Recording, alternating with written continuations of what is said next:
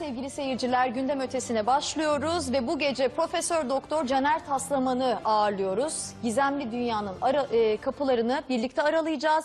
Çok ilginç bilgilerden sizlere bahsedeceğiz. E, ayette bahsi geçen iki doğu ve iki batının Rabbi ne demek soracağım. Secde suresindeki bin yıla denk bir gün, Meariç suresindeki 50 bin yıl olan bir gün ne demektir? Bunu soracağım. Firavun'un bedeninin kurtarılacağı, sonradan gelen insanlara bu bedenin delil olacağı e, üzerine ne anlam taşıyor bu ayetteki ifade bunu soracağım. Atom altı dünyayı soracağım. Yörüngelerden bahsedeceğim süremiz el verdiğince.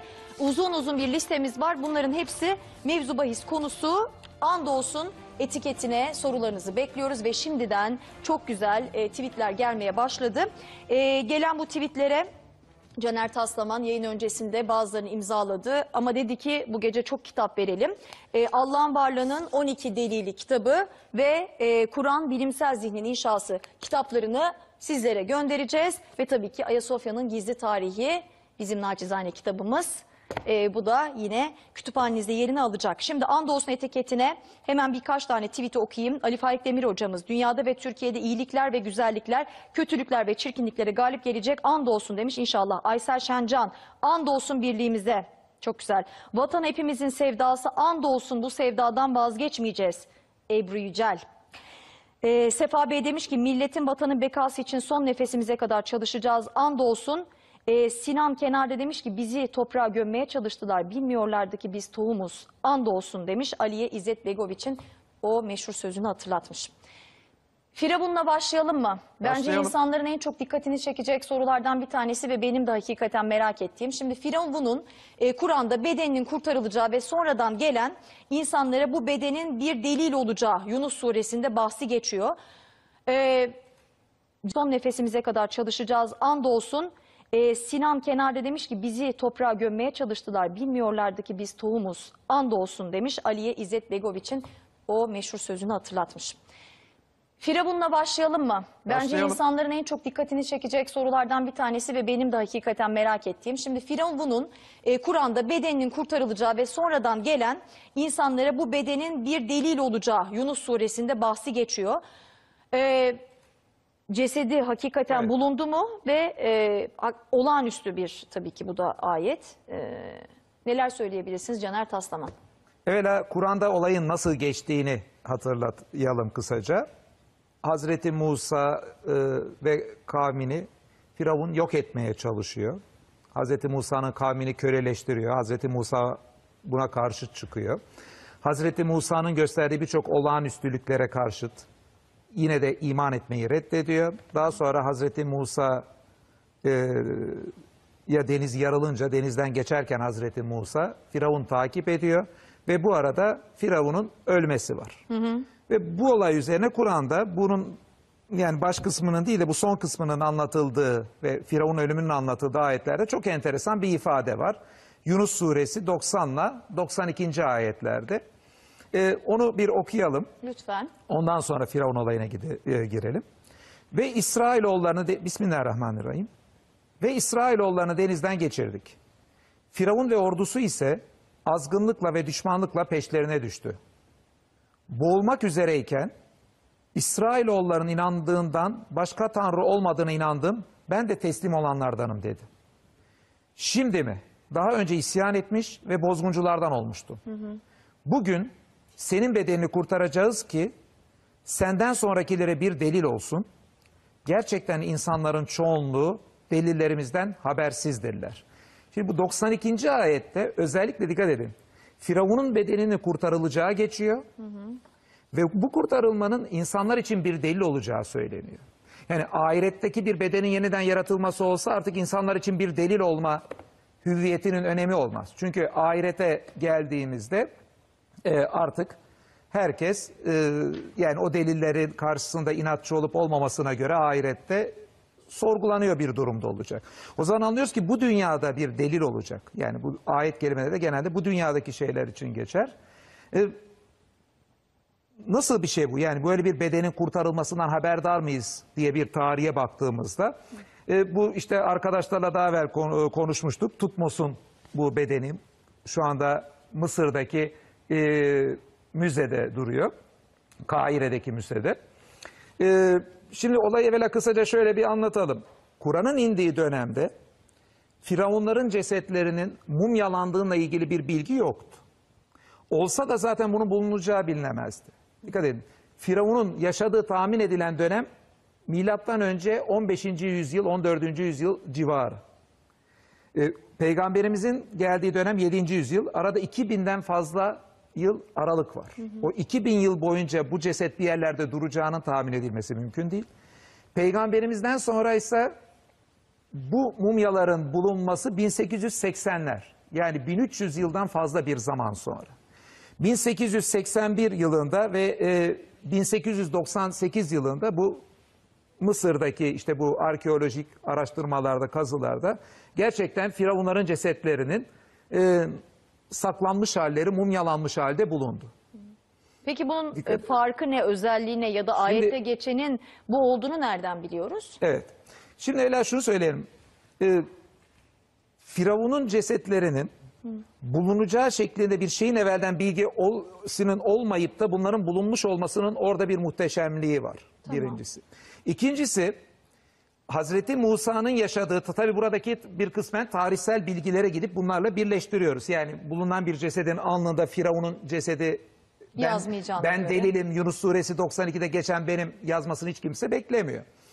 E, fakat bunun bir e, Hazreti Musa'nın yaşadığı dönemdeki, tahmin edilen dönemdeki Firavunların cesetleri olduğu tarihlendirmelerden biliniyor.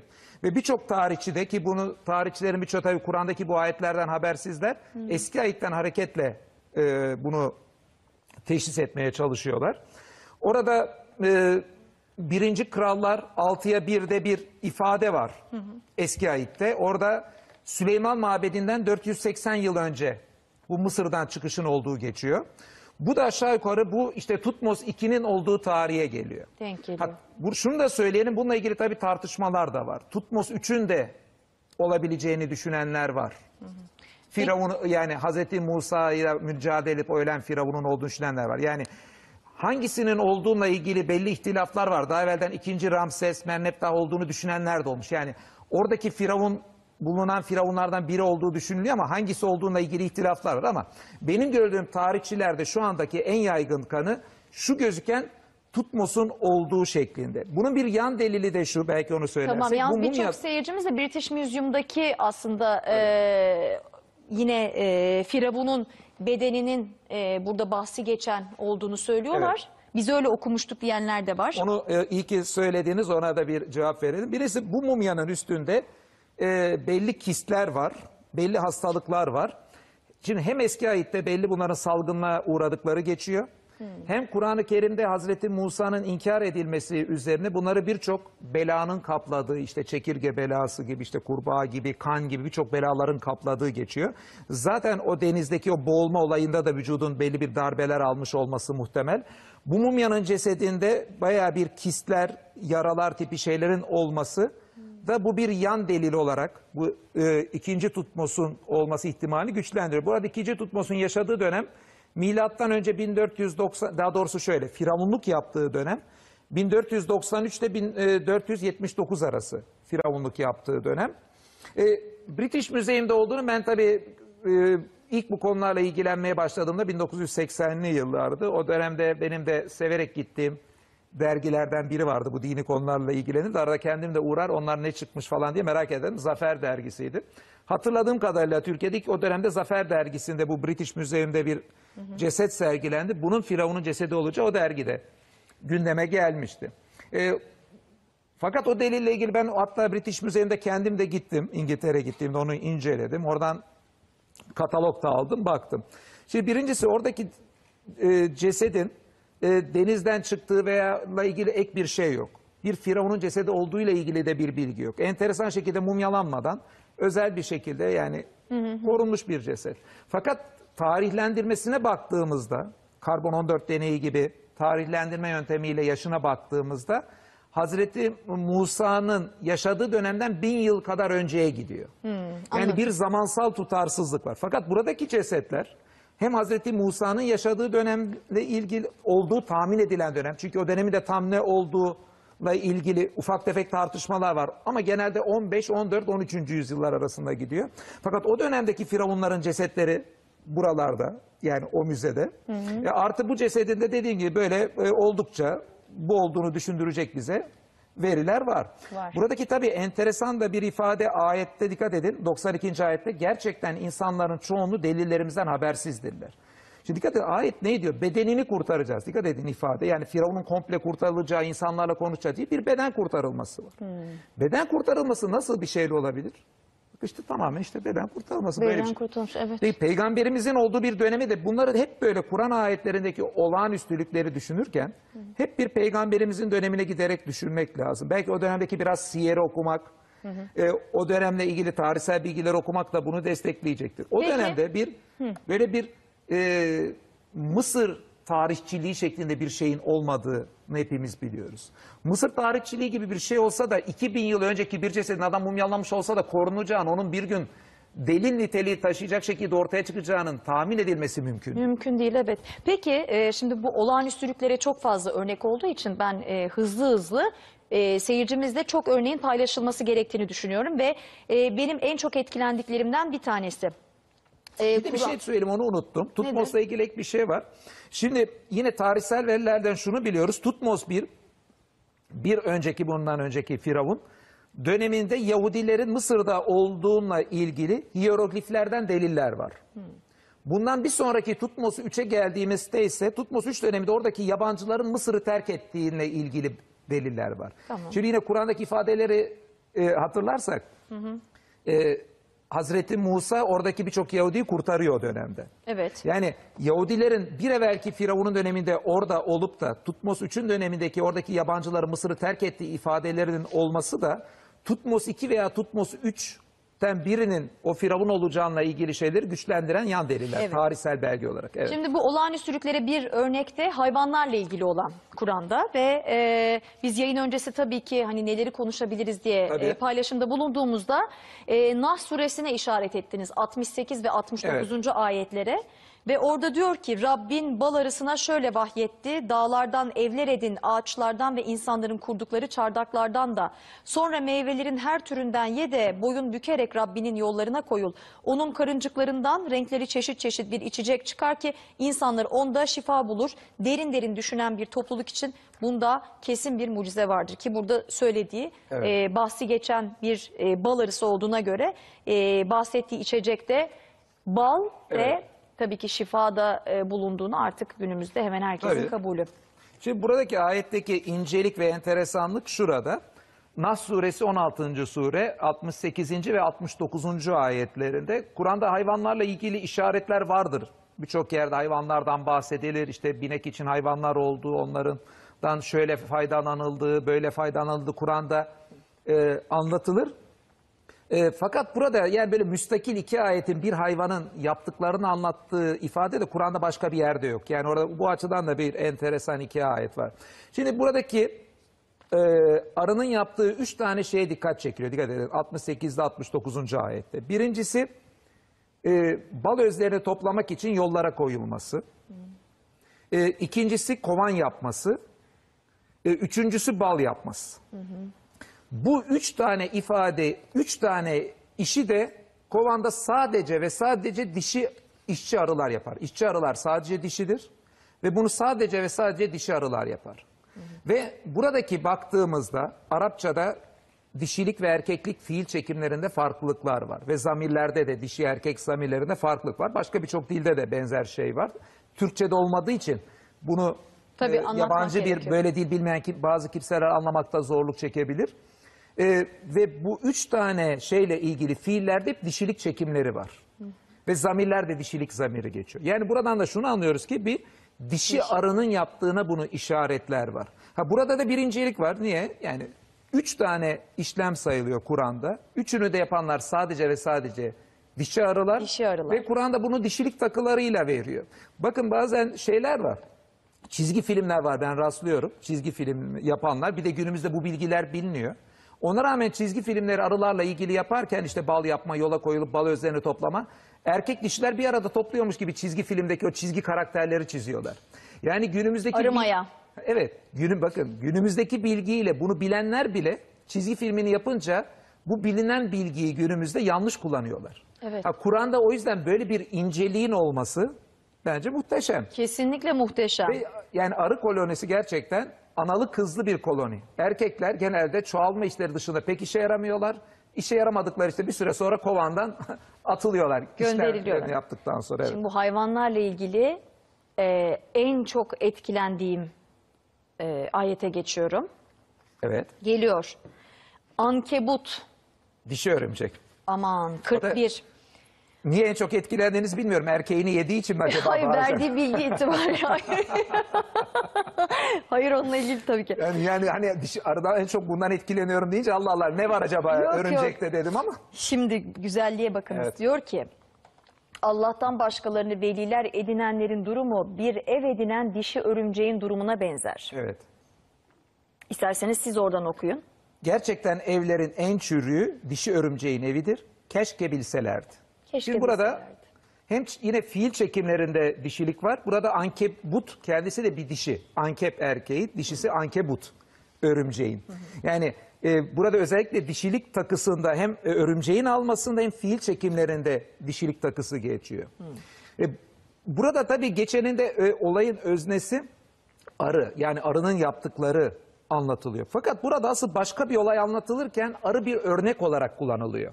Örümcek. Yani asıl Örümcek. e, pardon, örümcek bir örnek olarak kullanılıyor. Asıl anlatılan şey burada Allah'tan başka dostlar edinenler. Allah'tan başka dostlar edinenlere Allah adeta diyor ki yani Allah'tan başka dost edinen kişi bak şu örümcekin evi var ya hani böyle çürük güvenilir değil. İşte sen Allah'tan başka dost edinip ona sığınmaya kalkarsan işte yani bu duruma düşersin. Peki e, burada ne var? Yani ona bakmak lazım. Yani şimdi bir incelik şu. Baktığımızda örümcekler genelde hayvanlar aleminde e, erkekler dişilerden daha iri yarıdır. Bunun istisnaları azdır ama vardır. Vardır. Önemli istisnalarından birinin olduğu e, canlı e, örümcekler. Ve örümcekler kimi zaman e, erkeğinin bir 2-3 katı, 4 katı kadar e, büyüklükte olabiliyorlar. Ve genelde istisnaları var bunun ama genelde örümceğin evini yapanlar, e, örümcek evini yapanlar dişi örümcektir. Evet. O yüzden dikkat edin burada dişi takısıyla e, örümceğin e, dikkat çekilmesi önemli. Çünkü onun evine dikkat çekiliyor. Evi yapan da temelde dişi örümcek. Peki bir şey soracağım. Ee, de- burada karaduldan bahsediyor olabilir mi? Latrodectus mactans veya karadul olarak bilinen. O Karadul'da da tabii Karadul'u da kapsar ama Karadul dışında da Çünkü burada hani diyor ya e, ve evlerin en güvensizi, en zayıfı elbette ki dişi örümceğin evidir. Şimdi buradan bakıyorum e, Evet. internetten. Kendisine karadul denmesinin sebebi buradaki dişi örümceğin dişilerinin çiftleştikten sonra erkeğini öldürüp yemesidir. Evet. Şimdi bu tabii güvenilir olma iki türlü de bu anlaşılabilir. Birincisi şu. Yani örümceğin evi o kadar e, zayıftır ki şöyle elinizde bir şey yapsanız bile gider çürük. O eve güvenilmez. Bir o manada anlaşılabilir ama bir ikinci mana olarak örümceğin evine sığınanlar e, öyle bir yere sığınırlar ki örümcek o evi aslında avını avlamak için kurmuştur. Örümceğin evine gelen orada yok edilir. Hatta öyle bir yok edilir ki kendi erkeğini bile dişisi yok eder. Öyle bir yerdir. Hani siz Allah'tan başka dostlara gidip de sığınırsanız bak bu örümceğin evine ev zannedip de sığınmaya kalkanların durumuna dönersiniz. Perişan olursunuz. Orası sığınılacak bir yer değil. Ancak insanların yok yani diğer canlıların yok edildikleri bir yer örümceğin evi. Yani Allah aslında orada çok ince bir benzetme var. Allah'tan Evet. başka dostların peşinde koşanlar için. Fakat oradaki bir işte o diş, yani örümceğin evine dikkat çekilirken dişilik takısı olması da bir olağanüstülüğü aynı zamanda olayın. Bu arada Selçuk Tavukçu'ya bir tane kitap gönderelim çünkü şöyle bir şey yazmış. Bilmediklerinin peşine düşüp bildiklerini taşlandıranlara selam olsun, and olsun diye göndermiş. Benim hoşuma gitti. Bir de and olsun bütün çabamız insan onuruna yaklaşan daha iyi bir dünya için. Ee, bir de Öksüzoğlu diye bir tweet gelmiş. Tüm düşmanlıkları aşk galip gelecektir diye. Ee, aa bir dakika. Enteresan Ersin Düzen'den bir e, geldi şu anda. Diyor ki Rıdvan Hoca 3 hafta önce fotoğrafı çekmiş programı izlerken göndermemi istedi diyor. Hem e, Rıdvan Hoca'ya Rıdvan Dilmen'e hem de sevgili arkadaşımız Ersin Düzen'e teşekkür ediyoruz. Ve şöyle bir fotoğraf paylaşacağım sizinle. Bak şey Firavun'la ilgili. Bakar Hangisi? mısınız? Yani o British Bedene. Museum'daki galiba ama, Ama işte enteresan tam da Evet. işte bahsi geçmişti. o tabii biz onun o firavun olmadığını düşündüğümüzü söyledik ama yine de e, gösterelim. Evet. Çok enteresan. Evet. Ayetin devamı da çok enteresan dikkat edin. Onu bir kere daha vurgulayalım. İnsanların çoğu delillerimizden habersiz. Ya bakın şu anda Kahire'ye gitsek dünya müzeciliğinin en önemli parçalarının bir kısmı bu firavunların cesetleri. Tutmos'un ki de onlardan biri. Tarih olarak Yahudi birçok tarihçi de bunun olduğunu zannediyor. Kur'an'daki ayetten habersiz olsalardı ama işte birçoğumuz işte Kur'an'da geçen o ifadeden bu ortadaki Tabii uyumdan ki. habersiz. Ama hakikaten de orada bedenin korunmuş olduğunu yani net bir şekilde orada da görüyoruz. Enteresan. Şimdi devam edelim. Bunlar ama düşünürken hep şunu da düşünürsünler. Böyle bir ifade nasıl bilinebilir? Yani bir insan bunu kafadan atarak bilebilir mi? Mümkün değil. Veyahut da Hazreti Muhammed için yapılan iddialar ne düşünelim. İşte bu menfaat için din uyduran bir kişiydi deniyor. Hazreti Muhammed'in mesela diyelim böyle bir ifadeyi söylemekteki menfaati ne olabilir? Bir satsaydı o, o dönemde Kur'an'ı deseydi ki ya sen burada Firavun'un bedeni işte e, delil olacak diyorsun. Ne demek bu ya sen neler diyorsun deseydi. O dönemde Hazreti Muhammed buna nasıl cevap verebilirdi? Eğer ondan mesela böyle bir ifadenin orada olmasından nasıl bir menfaati olurdu? Ee, diğer taraftan e, mesela bazıları Hazreti Muhammed için işte Mecnun, şizofrendi şeydi diyorlar. E, haşa. E, böyle diyelim ki bir Mecnun denen bir insanın kafadan atarak buna benzer şeyleri tutturmuş bilmiş olması mümkün mü? Yani demek istediğim herhangi burada konuştuğumuz bir konu için sadece Firavun'un cesedi için değil. Ya bu bir kafadan atmayla bilinebilecek bir şey mi? Bunu söylemekten Hazreti Muhammed'in acaba ne menfaati vardı? Gibi şeylerle, sorularla beraber düşünürlerse buradaki asıl anlattığımız konular bence çok daha fazla amacına ulaşır. Ee, çok gelen bir soruyu sorabilir miyim? Ahmet Akçay'ın e, sorusundan yola çıkarak andolsun etiketiyle Firavun su altında kalırken son anda kelime-i şehadet getirip getirmediğini sormuş. Hatta melekler ağzını kumla doldurdu mu? Kur'an'da öyle bir ifade yok. Yalnız Kur'an'da şu, Ama bunu çok soran var ha. şu, şu ifade geçiyor. Ee, ben teslim olanlardanım diye geçti. Yani o aslında Müslüman olanlardanım ifadesine denk gelir. Ee, diyor. Fakat onun son anda artık ölümü görünce o tövbesinin kabul edilmediği Kur'an'da geçiyor. Yani Kur'an'da tövbesinin kabul edilmediği ve onun son anda tövbe ettiği geçiyor. Ee, ve dikkat edin burada başka bir şey daha var bizim demin söylemeyi yine e, es geçtiğimiz. Kura, şeyde eski ayette Firavun'un ve yanındakilerin Firavun'un yanındakilerin cesetlerini kıyıya vurduğu da geçiyor. Bakın böyle bir detay da var. Büyük ihtimal burada Firavun'un o cesedi bence kıyıya vurup oradan da bütün Firavunlara ne yapıyorlarsa klasik işlem aynısını o Firavun'a uygulayıp da diğer Firavunların yanına kaldırmış olmaları gayet bence mantıklı bir izah. Bizim hem etiketimizle alakalı e, hatırlattığı için de teşekkür ediyorum. Bunu da sormak isterim. E, Sebal Hanım sormuşlar. Diyor ki Tekvir suresi 18. ayette e, nefes almaya başladığı zaman sabaha and olsun e, ifadesi geçiyor. Bu Evet. ne demektir diyor. Nefes almaya başladığı Evet, zaman sabaha and olsun. Evet evet. Bu da Kur'an'ın e, bence e, enteresan ifadelerinden bir tanesi. Biz sabaha bak, baktığımızda bir nefes almayla ilgili bir şey sabahta görmüyoruz aslında. Gördüğümüz şey nedir? Bir anda işte güneş doğuyor. Etrafta bir canlılık var. Birçok kimse belki bunu bir mecazi ifade olarak anlamıştır. Yani nefes her 24 saat nefes Çünkü alıyoruz. bizim için nedir nefes almak? Aslında o oksijeni alıyoruz. İşte karbondioksit veriyoruz burada. İnsanın yaptığı bir şey biz nefes gibi görüyoruz. Fakat günümüzde yine bitkiler üzerine incelemelerden sonra biliyoruz ki bitkiler de bunu karbondioksiti alıp oksijen vermek şeklinde nefes almayı tersi bir şekilde yaparak oksijeni de üretiyorlar. Ve bunun olmasındaki önemli şeylerden biri nedir? Gün ışığı. Gün ışığı ne zaman geliyor? Sabah geliyor. Yani sabah gün ışığının gelmesiyle bitkilerdeki işte fotosentez ve diğer süreçler başlıyor ki onlar da bir solunum şeklinde bir süreç. O yüzden sabahla aslındaki nefes alıp vermek arasında, solunum arasında ciddi bir ilişki var. O yüzden Kur'an'ın bu bağlantıyı kurması da bence diğer inceliklerinden bir tanesi Kur'an'ın. Yine seyircimizin çok güzel bir e, sorusu ismi de Caner. Enam suresinin 125. ayetini hatırlatmış. Ben onun e, hemen e, Kur'an'da yerini bulmak istiyorum. Enam 125. ayet. Bir dakika. Evet. Siz soruyu okursanız. Yine nefesle alakalı diyor. 125. Heh. Diyor ki Allah e, İyiye ve güzele götürmek istediğin göğsünü İslam'a açar. Aha, aha, aha, saptırmayı anladım anladım hatırladım o ayeti şey göğe, göğe e, yükseliyormuş gibi dar ve sıkıntılı yapar. Evet saptırmayı dileğinin, dilediğinin de göğsünü öylesine dar ve sıkıntılı kılar ki o Evet. göğe yükseliyormuş gibi olur. Tamam evet, Allah kime hidayet etmek isterse göğsünü İslam açar. Kime sapıklık vermek isterse onun göğsüne darlık e, verir. Göğe yükseliyormuş gibi. Evet evet. Ee, Burada peki e, hani Oradaki- darlık, sıkıntı, nefes Tabii tabii oradaki nasıl ifade e, aslında ayeti bir kere daha hızlı geçtik. Bir kere daha okumakta fayda var.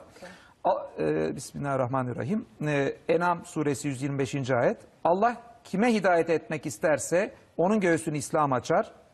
Kimi de sapıklıkta bırakmak isterse onun göğsüne darlık ve sıkıntı verir. Sanki göğe yükseliyormuş sanırsın. Böylece Allah iman etmeyecek kimselerin üzerine murdarlık bırakır. Şimdi burada göğsünde darlık ve sıkıntı olan kimsenin durumu gökyüzüne yükseliyormuş gibi olan kimseye benzetiliyor. Ha, burada da yine bir incelik var. Gökyüzüne yükseldikçe yani mecazi bir anlatım değil bayağı göğe Tabii aslında yükselmek. hep mecazi gibi anlar. Sanki zaten ayet dediği için mecaz sanki böyle oluyormuş gibi olur diyor ayet. Fakat göğe yükselince niye insanın göğsü sıkıntılı olur, dar olur? Yani Basınç. belki gökyüzüne gidince çok daha ferahlıyorum. O dağa falan çıkınca ben ferahlıyorum diye düşünenler olabilir. Oysa şu anda biz biliyoruz ki şimdi peygamberimizin döneminde peygamberimizin balonla gökyüzüne çıktığını falan herhalde düşünen yoktu. Şu anda biz biliyoruz ki atmosferde daha üst tabakalara doğru biz hareket ettikçe gittikçe oksijen azalır. Oksijen azaldığı zaman ve basınç da azalır aynı zamanda. Ee, basınç ve oksijen azaldığı için kalbimiz ve akciğerler zorlanır. Bunlar zorlandığı için hem damarlarda ciddi bir sıkıntı oluşur hem akciğerlerimizde nefes almadan dolayı büyük bir sıkıntı oluşur. Göğüs bölgemizde diğerinde de gerçekten bir sıkıntı hissederiz. Yani ayetin tam açıkladığı gibi aslında tam ayetin literal açık manasında gökyüzüne doğru yükselen bir insan gittikçe daha az oksijen alacağı için ve de daha az orada basınç olduğu için göğüs bölgesinde gerçekten sıkıntı hissedecektir. Bu aslında yine ayetin bence olağanüstü bir inceliği. Hem de nasıl? hep bunları dinlerken seyircilerimiz hep şunu dinlesin. e, düşünsünler. Bir taraftan bakıyorsunuz Kur'an, müzeciliğin en önemli şeylerinden biri Firavun'un işte cesedinin bulunması ile ilgili bir şey var orada. Diğer taraftan bakıyorsanız arılarla örümceklerin hayatından bir şey var. Başka programlarda daha evvel konuştuk işte evrenin genişlemesi, başlangıcı, evrenin sonu yine aynı kitapta var. Bir bakıyorsunuz atmosferde yükselince şey var. Ve biz bunları dikkat edin böyle 100 tane İslam tarihinde kitap var. 100 tanesinin bilgin onları birleştirdik bir yerden bir tane açıp okuyoruz bir yerden demiyoruz. Tek bir kitap. Tek bir kitap. Ve bu kitap insanların hayatına anlam veriyor. İnsanların hayatından sahte tanrıları silip süpürüyor. Güneş de olabilir o sa- sahte tanrılar, elle yapılan putlar da olabilir.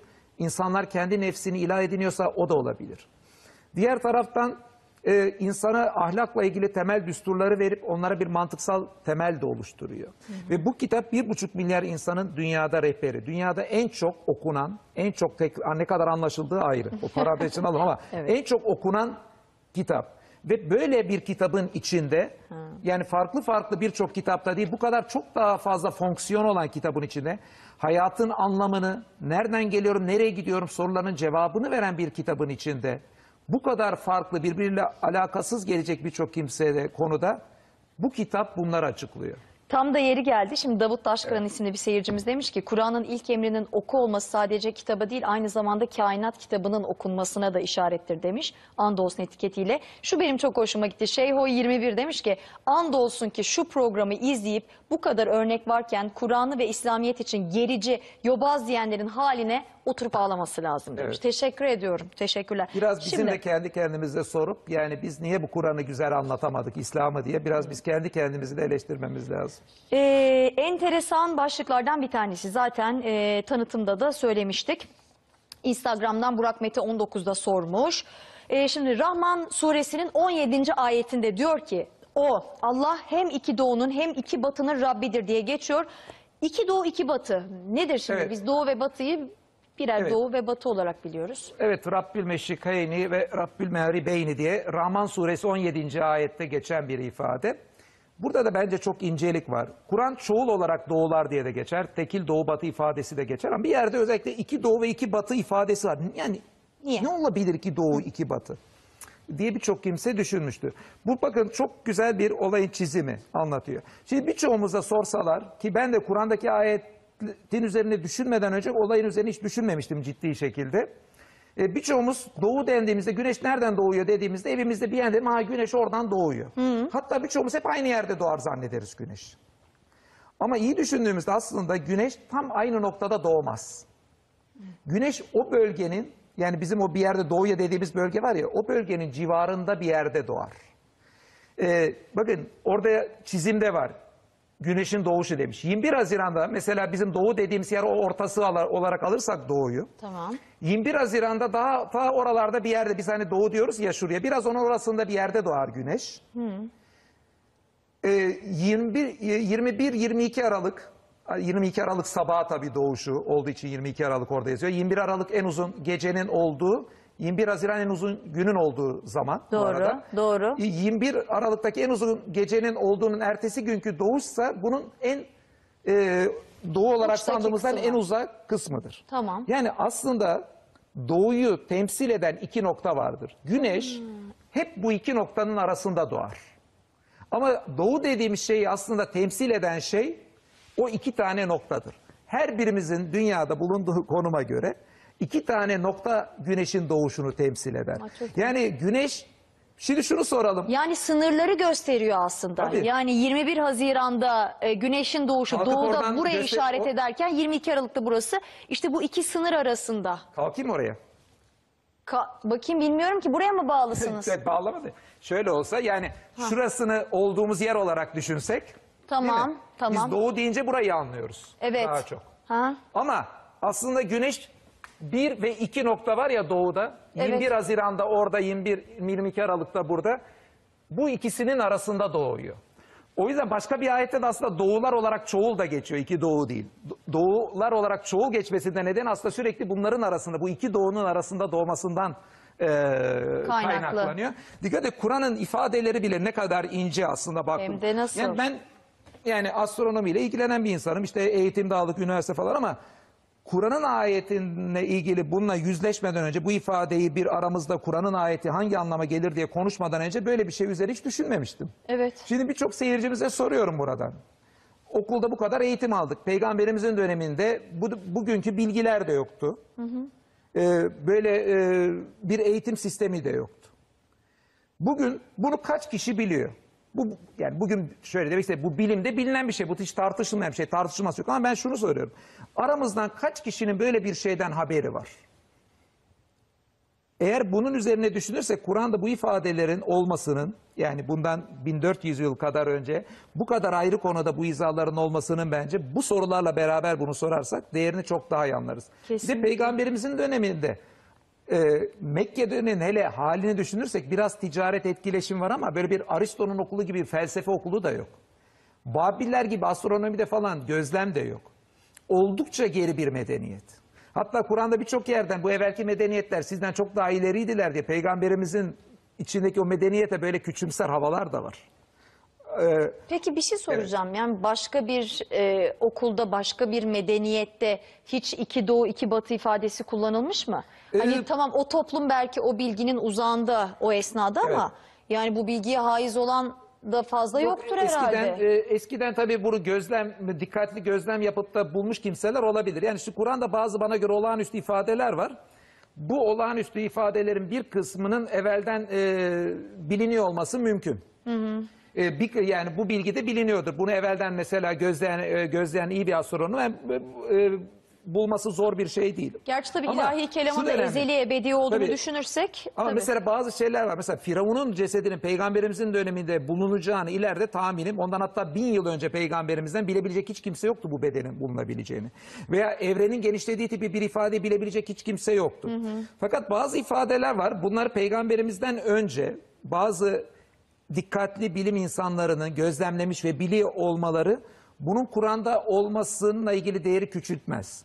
Niye? Çünkü Mesela Aristoteles dönemindeki kitaplara bakarsak eski Yunan'daki de birçok işte kitaba bunların içinde doğru tespit edilmiş birçok şey olmakla beraber birçok yanlış bilgiler de var.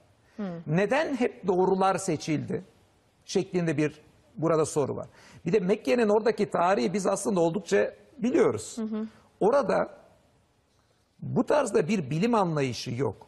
Gerçek anlamdaki Müslüman İslam'ın gelişinden sonra Abbasiler döneminde tercüme faaliyetleriyle orada eski Yunan'dan, Hint'ten, İran'dan birçok çeviriler o bölgeye girdi. Onlar tartışılır oldu.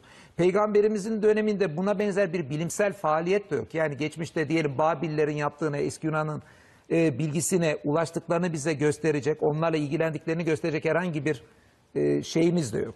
Peki e, şimdi içeriden beni uyardılar. Reji çok merak etmiş reji ekibimiz. Evet. Demişler ki e, acaba e, Firavun'un bedeniyle ilgili olarak o bilgi e, diğer kitaplarda da yer alıyor muydu? Mesela İncil'de, Tevrat'ta var mıydı o bilgi?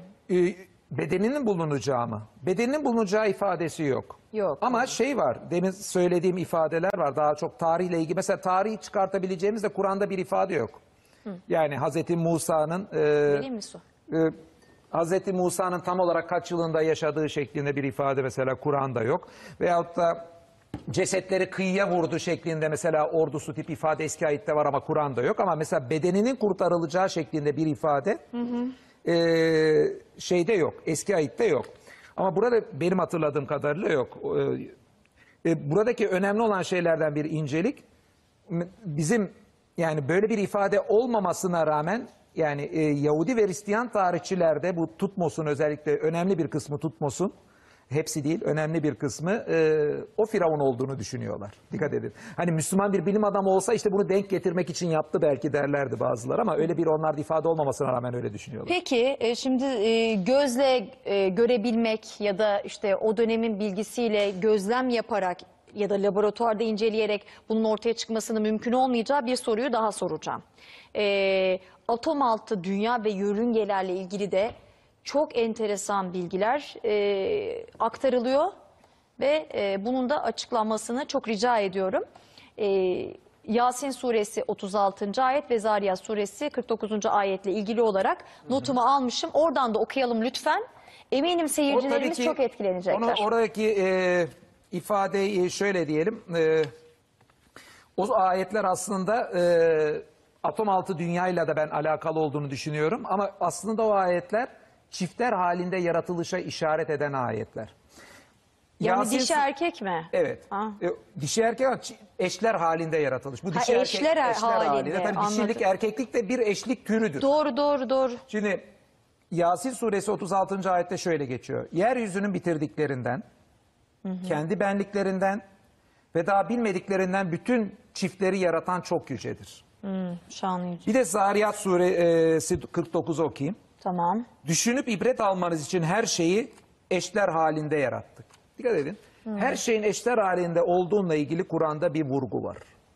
E, bu bitkiler aleminde de diğer birçok canlılarda da böyle birçok alanda eşli yaratılışlar karşımıza çıkıyor. Fakat bence eşli yaratılışla ilgili çok enteresan bir fenomen var ki bu bütün her şeyin aslında eşli yaratılıştan olduğunu gösteriyor. Nedir? Çünkü biz biliyoruz ki bütün varlık atomlardan yaratılmıştır.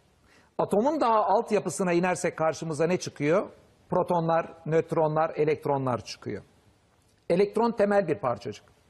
Protonların altına inersek de işte kuarklar çıkıyor karşımıza. Kuarkların up kuark ve down kuark gibi kuarklardan oluşuyor. Protonlar ve nötronlar. Ve şu anda biliyoruz ki bu evreni yaratan temel parçacıklar işte şu tabloda gördüğümüz kuarklar bir de leptonlarla ilgili de böyle bir tablo var o elektronları kapsayan. Ee, tamamen her bir parçacık eşiyle ortaya e, gözükmektedir bu evrende. Up kuarkla beraber ki bunu yukarı diye de bazen tercüme ediyorlar. Türkçe'ye bazen e, İngilizce ismini de bırakıyorlar. Up quark'la beraber down quark da ortaya çıkar. Yani daha doğrusu evrenimizde vardır. Tamam. Dikkat edin yani temel parçacıkların her biri eşli bir şekilde varlar. Bu yani birisinin yaptığı hayali bir çizim değil. Şu andaki doğaya baktığımızda her bir parçacık eşiyle var.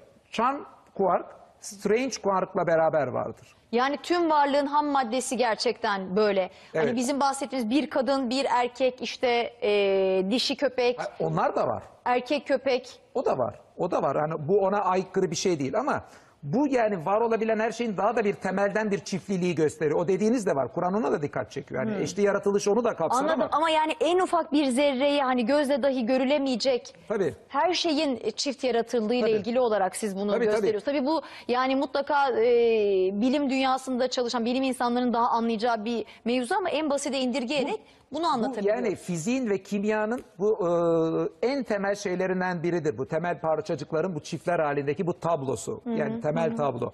Ve elektronlar da elektron, elektron, nötrino, tau, tau, nötrino şeklinde böyle çiftleri var. Bir de iki türlü çift eşlik var. Eşlik olmak. Birinci eş olmak ki bence Kur'an'da daha çok dikkat çekilerin bu olduğu kanaatindeyim. Up quark, down quark gibi her bir parçacığın kendi eşiyle gözükmesidir. Ayrıca her bir eşin e, aynı zamanda kendisinin anti parçacıkları şeklinde de eşleri vardır. Yani up quark'ın e, e, yine up quark olarak anti quark olarak bir e, eşi vardır. Down quark'ın down anti quark olarak e, anti quark olarak eşi vardır. Yani çok karmaşık bir mevzu ve hepsi de buna işaret ediyor. Temel yok aslında bakarsanız çok güzel bir tablo bu. Yani bütün temel parçacıklar kuarklardan ve leptonlardan oluşuyor. Tamam. Her bir eşlerle göz, görüz, görüşüyor ve her birinin eşi bir de anti eşi var ayrıca. Çok güzel. Ee, Yasin Bakırtaş demiş ki Andolsun etiketiyle size de bir kitap verelim. Daha astronomi denen bilim yokken Kur'an kainat ve güneş sistemi hakkında bilgi veriyor. O zaman ben de şunu soracağım size. Güneş ve ay hakkında ne söyleniyor? Güneş ve ay hakkında Kur'an'da geçen bilgiler enteresan. Birincisi mesela e, bir ayette güneş ve ay hesap iledir diye geçiyor. Güneş ve ayla ilgili bir hesaplılığa dikkat çekiyor. E bizim de gerçekten astronomide bugün bunların hepsini güneş tutulmaları, ay tutulmaları diğerlerini matematiksel hesaplarla e, bilebiliyoruz. Ve fiziğin bu en temel şeylerinden e, biri bunları hesaplarla bilinmesi.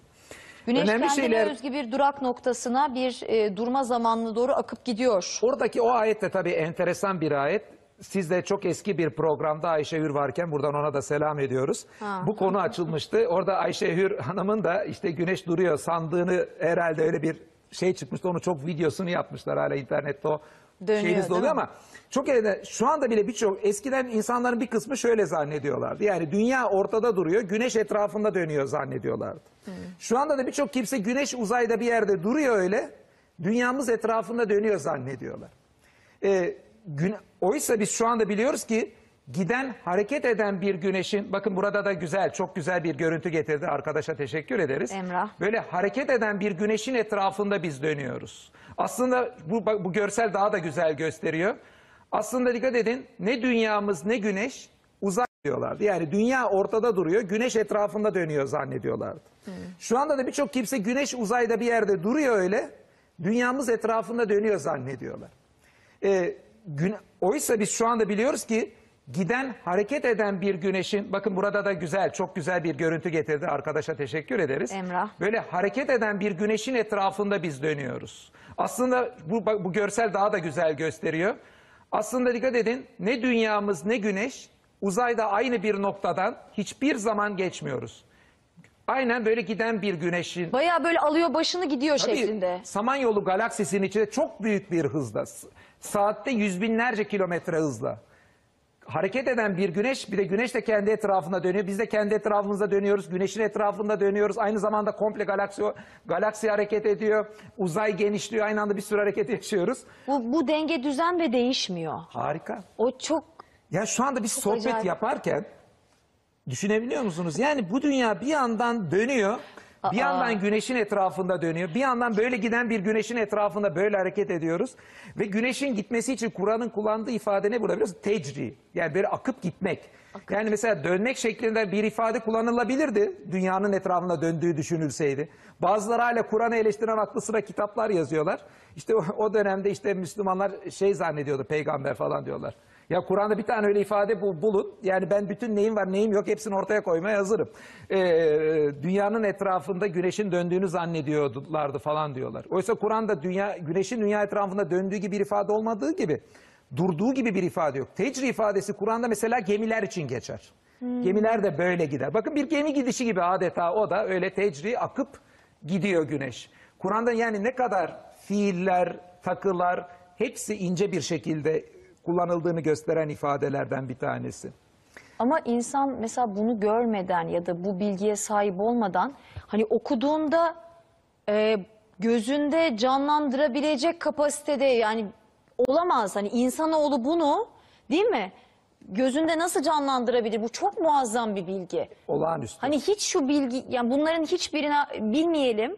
Bilgi dağarcığımız içinde yer almasın. Hani akıp giden falan mümkün değil ya. Oturtamazsınız. Al- almaz yani. Almaz ki muhtemelen neleri almıyor kafamız. Tabii Arapçada döndürmek Daha gibi şimdi- ifadeler var. şimdi Güneş tüm mesela o dönemdeki çözemedik. insanlar dünya sabit, güneş etrafında dönüyor olsaydı o dönmeyi ifade eden ifadeler kullanılabilir. Evet, evet. Bir de mesela başka bir ifade daha var bence. Mesela dünyanın o e, ayla ilgili. Ne diyor?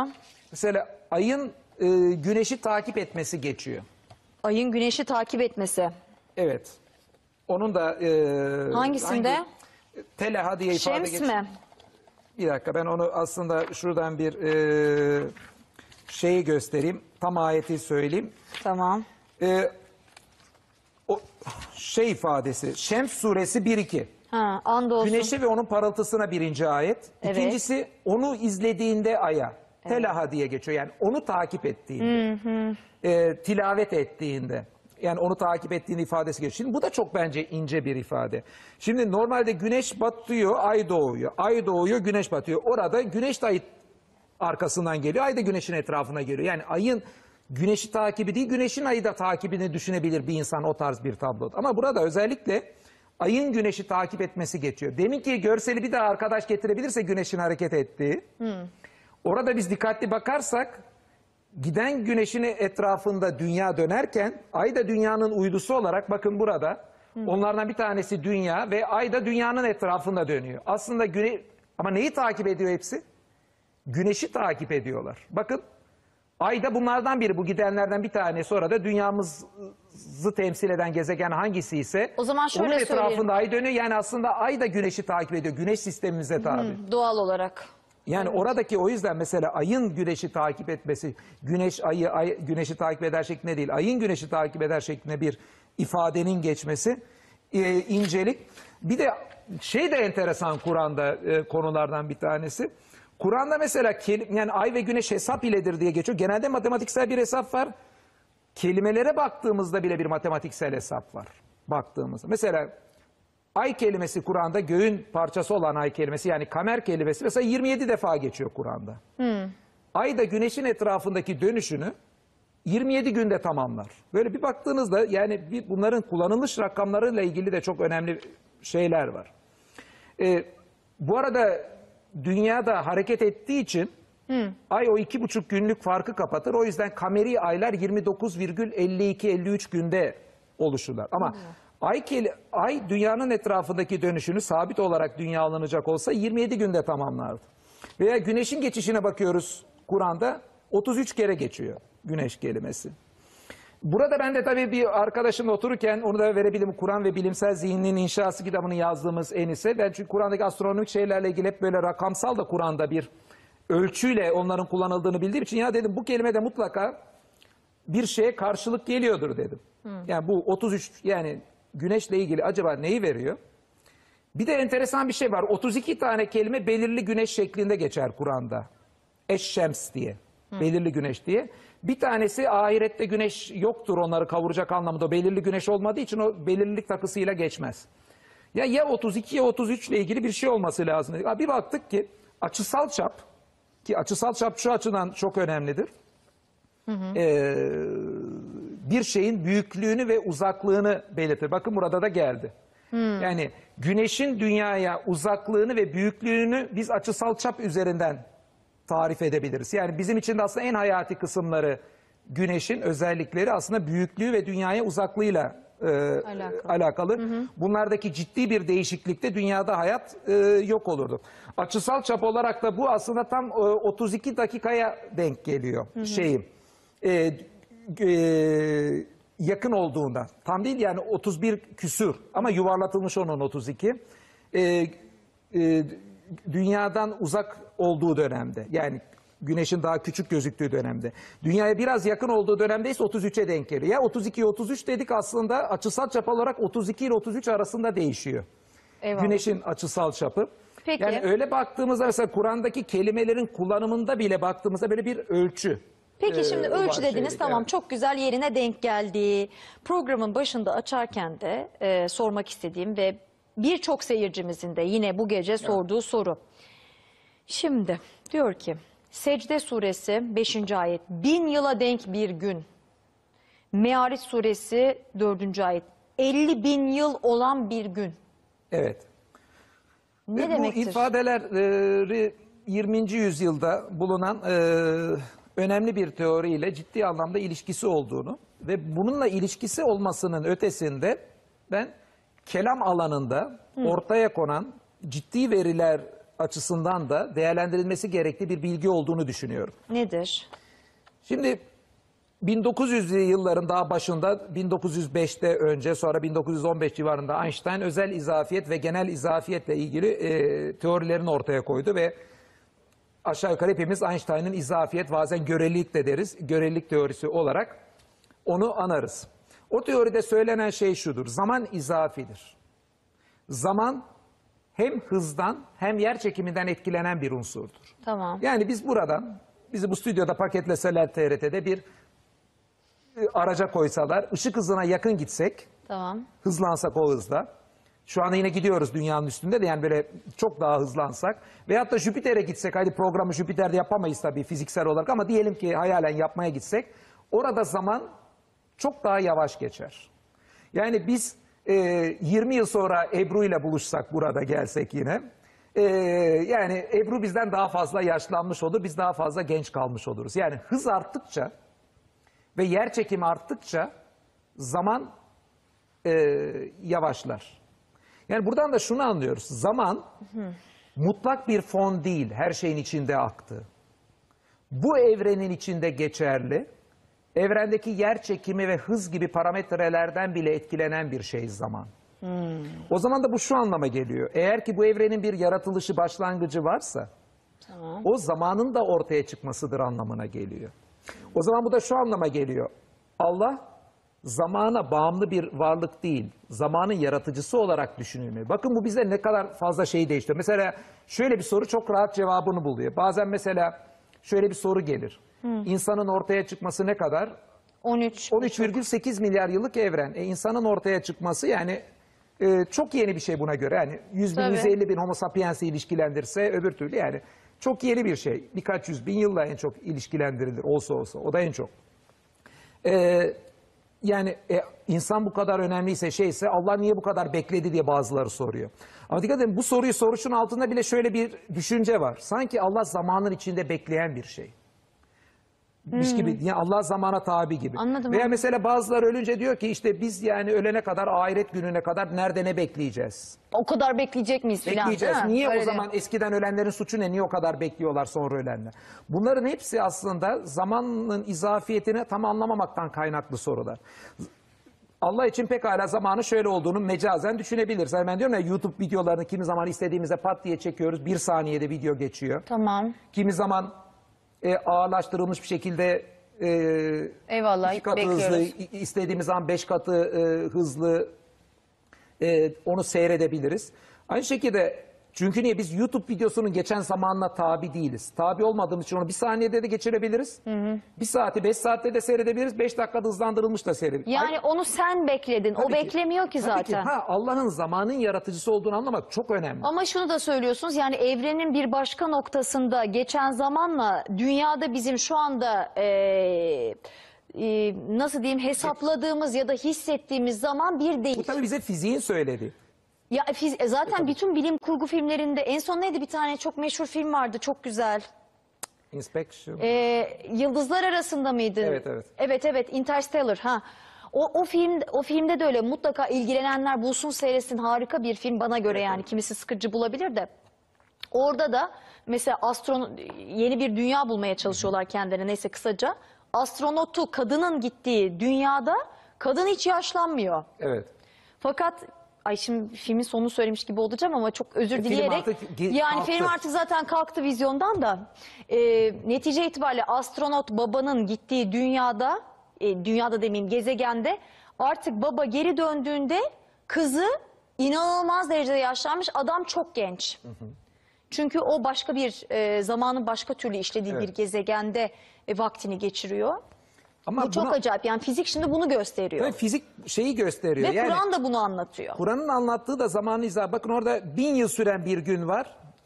50 bin yıl süren bir gün var Secde ve Meariç suresinde. Ha, bu da neye dikkat çekiyor? Değişik boyutlarda zaman değişik a- anlaşılır. Melekler ve ruh işte ona işte miktarı şu kadar yıl olan günde yükselirler gibi. Değil mi? Oradaki yani demek ki onlar için melekler ve ruh için ayrı bir şekilde zamanı düşünmemiz lazım ifadesini veriyor. Ama zamanı mutlak düşünen insanlar için bir yerde zaman farklı geçiyor. Evet. Başka yerde farklı geçiyor şeklinde bir şey zihinde oluşturmak çok zor bir olaydı. O yüzden Kur'an'da bu ifadelerin olmasında da bence müthiş bir e, incelik var ve bu bize çok ufuk açıyor. Dikkat- Ona girmeyeceğim o konuya. Mesela siz başka zamanlarda işlediğiniz programları bence kader tipi konuların anlaşılmasında da ufuk açacak şeylerden biri bu. Allah'ı zamanın yaratıcısı olup da zamana tabi olmayan yaratıcı olarak düşünmek. Kesinlikle. Şimdi e, yine seyircilerimizden e, biri e, kendi ismiyle de alakalı olduğu için herhalde hatırlattı. Tarık suresi 12. ayette çatlaklarla dolu yere and olsun Evet. diye hatırlatmış. E, bu ifadeden ne anlamamız gerekiyor? Çok kısaca alayım. Tabii şöyle diyeyim, Kur'an'daki bazı ifadeleri ben e, kesin böyle ifadeyle e, olağanüstülüklerinin savunulacağını düşünüyorum. Bazı ifadeleri ise e, biraz daha temkinli yaklaşmak lazım. O- bu- Onlardan bir tanesi bu. Bunu da birçok kimse yeryüzündeki çatlaklar olarak da anlamış. Ama benim şahsi kanaatim, o Tarık suresinin hep zaten biraz başına sonuna da baksak hep böyle olağanüstü ifadeler var. Mesela geri çeviren gök tip ifadeler var onun altında üstünde o ayetin. Ee, ben onun fay hatlarına daha çok işaret edildiğini düşünüyorum. Yani yeryüzündeki çatlaklardan ziyade e, özellikle fay hatlarına dikkat çektiği kanaatindeyim o ifadenin. Şimdi e, Fay hatları da tabii yani deprem için, evimizi nerede kuracağımız için daha birçok bilgi açısından, yani jeoloji bilimi açısından çok temel bir, e, alan. Bu arada rekl- e, reklama gideceğiz ama reklama gitmeden önce çok hızlı hızlı e, biz de Andolsun'la ilgili olarak e, bazı ifadeleri not almıştık. O apaçık kitabı Ando Andolsun çok geçiyor ve çok etkileyici. Peki, evet. Battığı zaman yıldızı Andolsun, çatlaklarla dolu yere Andolsun, yağmurlu göğe Andolsun, Andolsun yöneldiği zaman geceye Andolsun, aydınlandığı zaman sabaha Sina Dağı'na Andolsun. Şimdi reklama gidelim. Reklam e, esnasında da yine e, tweetlere bakalım. Siz seçersiniz zaten hangi kitapları vereceğinizi. Ben bir özellikle bir kitabı seyircimizle paylaşmak istiyorum ki e, bana hep soruyorlardı zaten. Şimdi biz e, Ayasofya'nın gizli tarihi Evet. kitabımızda Fossati'nin bazı çizimlerine yer vermiştik ve o kadar mutlu oldum ki bu kitapla karşılaşınca e, yeniden basım yapılmış seneler sonra ve e, Çamlıca basım tarafından size şu fotoğrafı o kadar göstermek istedim ki e, Sul- Sultan Abdülmecid'in Fossati'ye yaptırdığı e, biliyorsunuz Ayasofya'nın restorasyonunda bizim kitapta da çok enteresan bilgiler vardı. Bakın bu fotoğraf e, Ayasofya'nın Osmanlı döneminde ibadete açıkkenki hali.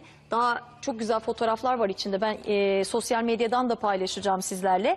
E, Twitter'da Cift Pelin, Instagram'da da Pelin Cift olarak takip edebilirsiniz. Yine program hesaplarımızda gündem ötesi. E, bunu görmenizi istedim sevgili seyirciler. Hakikaten enteresan ve güzel bir kitap. Tıpkı basımının yapılmış olması da çok önemli. Ben heyecanlandım. Sizlerle de programda çünkü güzel bulduğum kitapları mutlaka gösteriyorum. Sarayburnu kitaplığından çıkmış. Bir reklama gidelim. Ondan sonra siz tweetlerinizi göndermeye devam edin. Dönüşte yine Caner Hoca ile ilginç bilgilere yer verelim. Ondan sonra da yavaş yavaş vedalaşacağız ama şimdi kısa bir aramız var.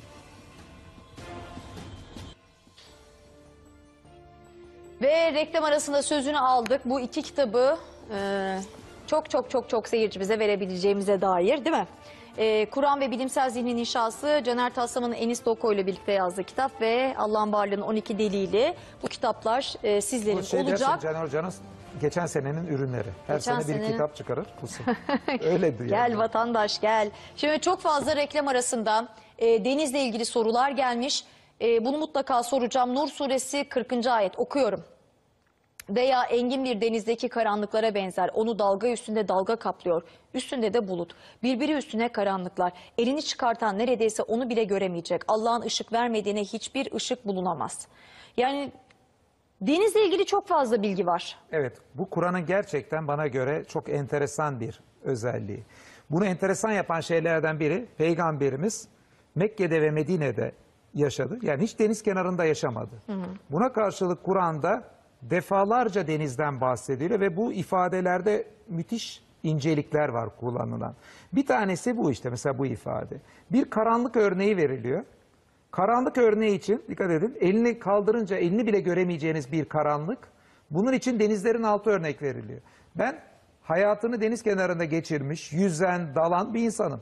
Hayatta böyle bir örnek vermem. Niye? Çünkü ben en çok dalsam dalsam hani 3-5 metreye daldım. Oraları apaydınlık. Hiçbir karanlık gözükmüyor ki denizin altında. Fakat optiğin ilerlemesiyle ve insanların e, son birkaç yüzyılda denizlerin altına inmesiyle biz şunu anladık. E, önce optikten anlaşılan şey şu. Işık kırıla kırıla kırıla kırıla önce o sarı kısmı gider. Sonra diğer kısımları yeşil kısmı gibi kısımları gider. En son mavi kısımları gibi gidip bütün ışık yok olur. Ve denizlerin altında mesela 200-300 metreden sonraki denizlerin altı kapkaranlıktır. Ve dünyanın büyük bir kısmı zaten böyle derin denizlerden oluşur. Oradaki ayette de zaten derin deniz vurgusu var. Kapkaranlıktır. Yani dünyadaki en büyük karanlık alan aslında o derin denizlerin altıdır. O yüzden Kur'an'ın karanlık için örnek olarak denizleri vermesi incelik. Biz baktığımızda de- denizleri karanlık değil, dünyanın geri kalanı gibi aydınlık görürüz oysa. Diğer bir incelik ayette dalga üstüne dalga olduğunu söylenmesi. Bunu da birçok kimse mecazi olarak çok dalgalı gibi anlamış. Ama mecazi anlamda değil, tam literal anlamda yani doğrudan anlamında denizlerin altında o tabakalardaki farklılıklardan denizin yoğunluk farklılıklarından denizin altında da dalgalar oluşur. O üstünde de dalgalar oluşur o dalgaların. O yüzden denizlerin içinde gerçekten de dalga üstünde dalga vardır. Bir bakın bir ayette bir dalga üstünde dalga olması gibi. Diğer taraftan da derin denizlerin altının kapkaranlık olması gibi iki tane incelik var. Hem de nasıl. Çok çok teşekkür ederim. O inceliklerin hepsi umarım hepimizi e, gözleri önünde yine hikmetle açılır görebiliriz. Bütün Ve- tabloya baksınlar lütfen seyircilerimiz. Yani Kur'an'da bir anda denizlerin altı, bir anda evrenin genişlemesi, bir yandan arının peteği, bir yandan işte Firavun'un cesedi. Bütün bunlar tek bir kitapta ortaya çıkıyor. Ahmet Ve Kızıl- neden bunlar bizim Kur'an'a güvenmemiz gerektiğini e, bence ortaya koyan veriler olarak aa ne ilginç deyip de geçilmemesi gerekli veriler olarak değerlendirilmeli. Ahmet Kızılhan, andolsun ki kainatta zerrenin zerresi olamayacak insanın zihnine kainatı anlama yetisi veren ve okumamızı isteyen Allah tek yücedir demiş. Çok teşekkür ediyoruz. Selam gönderelim. Ee, Zeliha Özkan söz verdim. Kitap gelecek. Sibel Çiğdem Instagram'dan bu arada. Arife Demirci, İlknur Hanım. Onların hepsinin notunu aldım. Yine Instagram'dan da e, mesajlaşırız. Vereceğiz kitapları. Teşekkür ediyorum Caner Taslaman geldiğiniz için, Harikaydı anlattığınız için. olmak. Konu Teşekkür- harikaydı. İnşallah faydalı olmuş. İnşallah. Ee, Ebru Yücel'le gündem ötesini hazırlıyoruz. Emeği geçen tüm arkadaşlarıma teşekkür ederim. Haftaya yine dirilişten sonra çarşamba gecesi görüşmek üzere. Hoşçakalın.